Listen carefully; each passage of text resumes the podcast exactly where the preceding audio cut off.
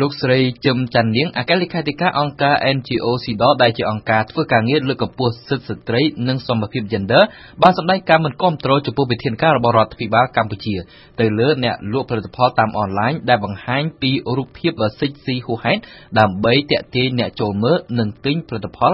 របស់ខ្លួន។ សម្រាប់ពួកបងគឺពួកបងអត់គ្រប់គ្រងទៅនឹងចំណាត់ការថ្មីថ្មីរបស់រដ្ឋាភិបាលដែលអីដាក់ចេញដោយសម្ដេចពួក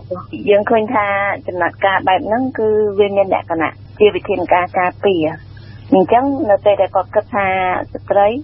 ភិកច្រើនគាត់រងគ្រោះច្រើនទៅជារដ្ឋបតឹងសិទ្ធិភាពរបស់ស្ត្រីវិញចឹងអធិនការការពារបែបនេះគឺវាគ្រាន់តែដាក់ចេញមកពេលអនុវត្តទៅវាបានតែពង្រឹងផ្នត់កំណត់របស់សង្គមទេប៉ុន្តែ វាកាន់តែធ្វើឲ្យសង្គមយើងទាំងមូលហ្នឹងគាត់គិតថាមូលហេតុដើមហេតុពិតប្រាកដគឺមកពីស្ត្រីការសិទ្ធិរបស់ស្ត្រីហ្នឹងពិតមែនបានជាធ្វើឲ្យមានបទល្មើសឧទាហរណ៍ដូចអីសម្បត្តិបានមានប្រសាសន៍ថាមានការបៀតបៀនសិទ្ធិភេទមានការរំលោភសិទ្ធិសន្តិវៈឬមួយក៏ការជួញដូរមនុស្សកើតឡើងអញ្ចឹងអញ្ចឹងវាទៅជាអីបន្ទោសទៅលើស្ត្រីដែលជាជនរងគ្រោះនោះវិញ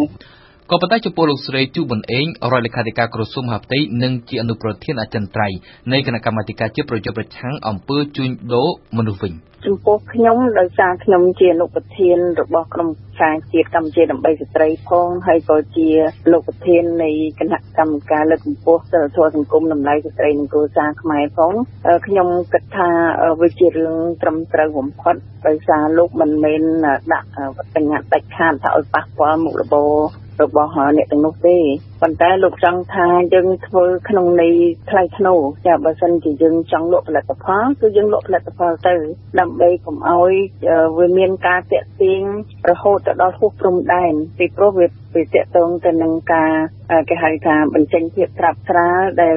មើលទៅវាជាការតាក់ទាញមួយមិនមែនតាក់ទាញតាក់ទាញរឿងទិញផលិតផលទេប៉ុន្តែវាទៅជាបង្កើតឲ្យមាន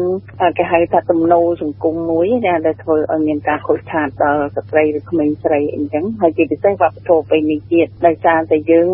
ជាខ្មែរអញ្ចឹងយើងមានអត្តសញ្ញាណជាតិយើងច្បាស់លាស់លោកស្រីជូប៊ុនអេងបន្ថែមថាហើយបើយើងធ្វើអីមួយគឺធ្វើនៅក្នុងន័យថ្លៃថ្នូរហើយលោកថាបើសិនជា បានឃើញការផ្សព្វផ្សាយដោយរូបភាពដូចថាមិនសមហើយអហភិអីចឹង យើងគួរតែណែនាំគាត់ទៅហើយប្រាប់គាត់ថាបើគាត់ចង់ផ្សព្វផ្សាយគាត់ផ្សព្វផ្សាយទៅប៉ុន្តែសូមកុំឲ្យធ្វើឲ្យហួសព្រំដែននៃការផ្សព្វផ្សាយលោកផលិតផលអញ្ចឹងហើយដែលលោកបានលើកថែមទៀតថាវាមិនមែនត្រឹមប៉ុណ្្នឹងទៀតការដែលចេះតែផ្សព្វផ្សាយរូបភាពសេចក្ដីឬមួយក៏អាភិនយូរយូរទៅវារហូតដល់មានក្មេងស្រីដែលកាន់តែហ៊ានទៅហ៊ានទៅរហូតដល់ថ្នាក់ផ្សាយលោកខ្លួនឬមួយក៏អីអញ្ចឹងណាដែលវា អត់ត្រឹមត្រូវតែវាទៅធ្វើឲ្យសិលធម៌នៅក្នុងសង្គមខ្មែរយើងនឹងវាមានការប៉ះពាល់ហើយតែយើងរាល់ថ្ងៃនេះយើងបារម្ភមែនទែនទាក់ទងទៅនឹងការរំលោភបំពានចាទៅលើរាងកាយទៅលើសិទ្ធិភេទរបស់ក្មេងស្រីឬរបស់យុវវ័យអីហ្នឹងដែលយើងកំពុងតែចង់រកវិធីថាធ្វើយ៉ាងម៉េចដើម្បីទប់ស្កាត់ហើយយើងគិតថានេះគឺជាផ្នែកមួយដែរបើសិនជាយើងទម្លាប់ នៅក្នុងការលើកកម្ពស់នៅសិលធម៌សង្គមក៏ដូចជាតម្លៃខ្លួននៅក្នុងសង្គមហ្នឹងខ្ញុំគិតថាប្រហែលជាកាត់បន្ថយបានច្រើនលោកស្រីជីមតានាងធម្មតាការសិទ្ធិអីបងព្រោះអីការសិទ្ធិរបស់ស្រីយើងគិតថាជាសិទ្ធិរបស់គាត់ហើយអញ្ចឹងអ្វីដែលសង្គមយើងទាំងមូលហើយនៅរដ្ឋាភិបាលគាត់គួយបារម្ភគាត់គិតថាការធ្វើបែបហ្នឹង គឺវាធ្វើឲ្យជំរុញឲ្យមានអាបទល្មើសហ្នឹងកើតឡើងអញ្ចឹងបងគិតថាហ្នឹងវាមិនរឿងវាមិនមែនជាការពិតទេព្រោះមូលហេតុនៃបទល្មើសដែលកើតមានឡើងហ្នឹងការរំលោភសេសន្តិវៈការបៀតបៀនសិទ្ធិភាពហ្នឹងគឺរដ្ឋាភិបាលអត់ទាន់មានបានធ្វើការស្រាវជ្រាវណាមួយថាបទល្មើសដែលកើតឡើងហ្នឹងគឺមកពីជនល្មើសហ្នឹងគាត់មើលទៅលើការស្លៀកពាក់របស់ស្ត្រីឃើញស្ត្រីជារៀបដាក់សេក្ស៊ីឯង ចាអញ្ចឹងអីសម្រាប់ពួកក្រុមបងយើងគិតឃើញថាវិធានការដែលដាក់ចេញតាមបែបការពីស្ត្រីដែលពង្រឹងផ្នែកសង្គមហើយនៅរដ្ឋបတ်ទៅលើអីសិទ្ធិស្ត្រីតាមរយៈការស្លៀកពាក់របស់គាត់បែបនេះគឺសង្គមវានឹងអត់មានអីការផ្លាស់ប្ដូរហើយมันអាចទប់ស្កាត់បទល្មើសនឹងបានទេអញ្ចឹងដោយសារតែប្រទេសយើងជារដ្ឋភិគីមួយនៃអនុសញ្ញាស្តីពីការលំបាត់រដ្ឋតម្រង់នៃការលើកអានលើស្ត្រីភេទហើយ អនុសញ្ញានេះគឺបានចងនៅកាតព្វកិច្ចរបស់រដ្ឋរួចហើយអញ្ចឹងអនុសញ្ញានេះបានលើកទឹកចិត្តឲ្យរដ្ឋភិគីគឺគ្រប់រដ្ឋភិគីទាំងអស់ហ្នឹងប្រកាន់យកនៅវិធានការកែតម្រូវវិញចំពោះការលើកឡើងនេះលោកបណ្ឌិតឈុតបន្ថងមន្ត្រីស្រាវជ្រាវផ្នែកទំនាក់ទំនងវប្បធម៌អប់រំនិងទេសចរនៃរាជបណ្ឌិតសភាកម្ពុជាតាមពិតការលើកឡើងពីការលើកកម្ពស់សិទ្ធិឬមើលក៏ការជំរុញឲ្យមានការអនុវត្តសិទ្ធិហ្នឹងគឺជារឿងគួរឲ្យគោរព តែកុំភ្លេចថាការប្រើប្រាស់ស្វ័យភាពឬក៏សិទ្ធិសម្រាប់របស់ខ្លួនហ្នឹងវាមានព្រំដែននៅក្នុងក្របខ័ណ្ឌណានៅក្នុងក្របខ័ណ្ឌជាជាហៅថារឿងឯកជនជាក្របខ័ណ្ឌនៅក្នុងផ្ទះសម្បែងរបស់យើងគឺបានប៉ុន្តែទៅពេលដែលយើងទៅបង្ហោះនៅក្នុងបណ្ដាញសង្គមវាធ្វើឲ្យប៉ះពាល់ទៅដល់អ្នកដែលជាពិសេសគឺកុមារកុមារដែល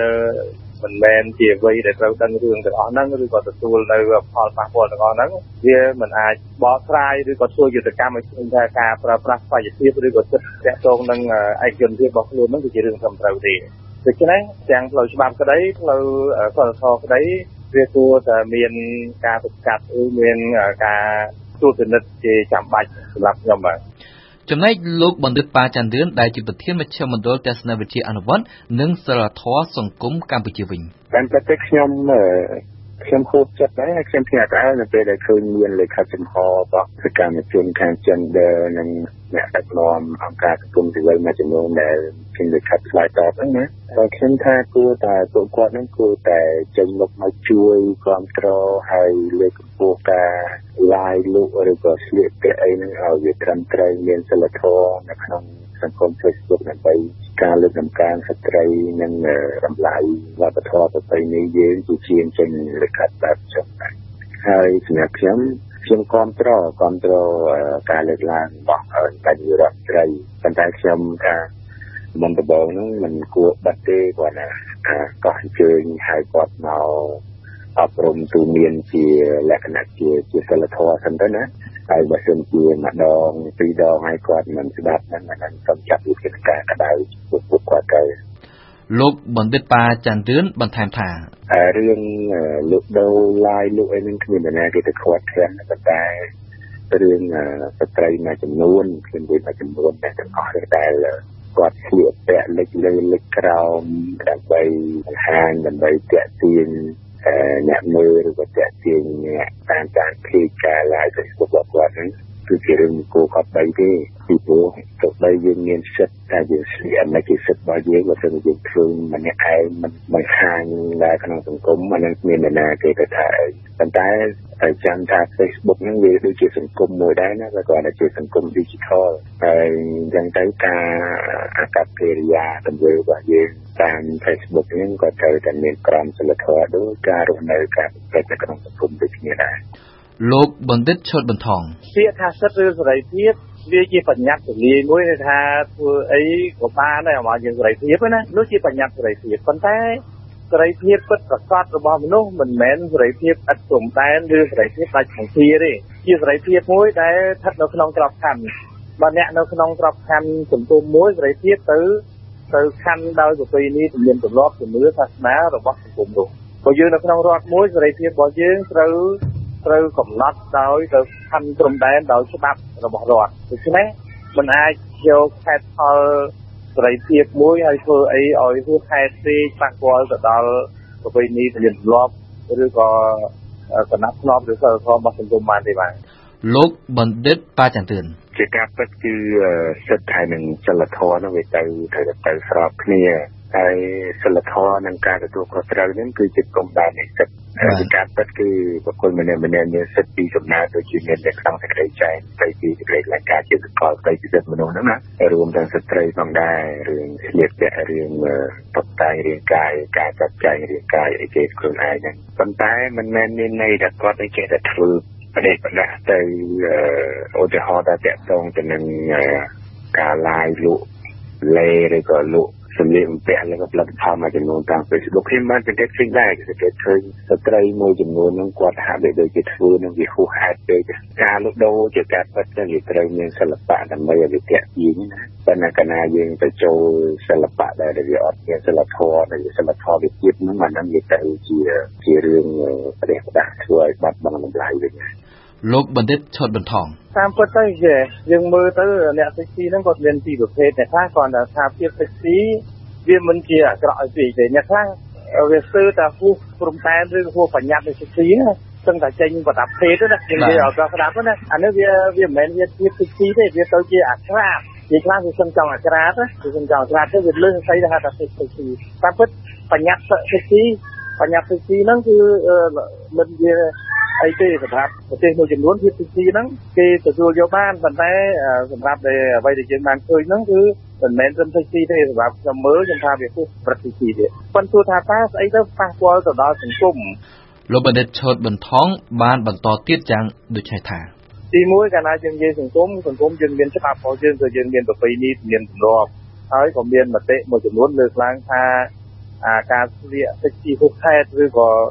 តិចទីរហូតដល់សឹងតែចេញប្រដាប់ភេទហ្នឹងវាអាចជាការបញ្យុះទៅឲ្យយុវវ័យឬកុមារហ្នឹងអាចឆាប់ប្រឡូកនៅក្នុងអានៃការរួមភេទហ្នឹងតែខ្លះទៅថាធ្វើឲ្យអ្នកមើលអីមួយចំនួនជាកុមារហ្នឹងគាត់ដកនៅគំនិតមួយចង់រួមភេទអីមុនអាយុអីចឹងទៅរហូតដល់នាំគ្នារួមភេទ មុនអាយុឬក៏អាចថាមានការចាក់រំលោភអីខ្លះដោយសារតែការស្រាវស្រាវនិងការមើលបែបហ្នឹងនេះក៏មានការលើកដូចចេះដែរប៉ុន្តែសម្រាប់ខ្ញុំអ្នកស្រាវជ្រាវវិញខ្ញុំមិនបដិសេធហើយក៏មិនទាន់អះអាងថានេះគឺជាការពិតតែត្រូវតែមានការស្រាវជ្រាវមួយច្បាស់លាស់បាទប៉ុន្តែស្អីដែលយើងអាចទទួលយកបានហ្នឹងគឺថាវាខូចនៅតម្លៃ ទូទៅសេចក្តីថ្លៃថ្នូររបស់វប្បធម៌ខ្មែរទោះបីមានការគ្រប់គ្រងឬក៏មានការប្រតិកម្មពីសមាគមនារីមួយចំនួនថាអានោះជាសិទ្ធិជាស្វ័យភាពក៏ដោយប៉ុន្តែក្នុងនាមខ្ញុំជាអ្នកសិលធម៌ខ្ញុំនៅតែថាការធ្វើបែបហ្នឹងមិនល្អមិនប្រសើរទេវាប៉ះពាល់ទៅដល់តម្លៃរបស់នារីខ្មែរតម្លៃរបស់វប្បធម៌ខ្មែរបាទ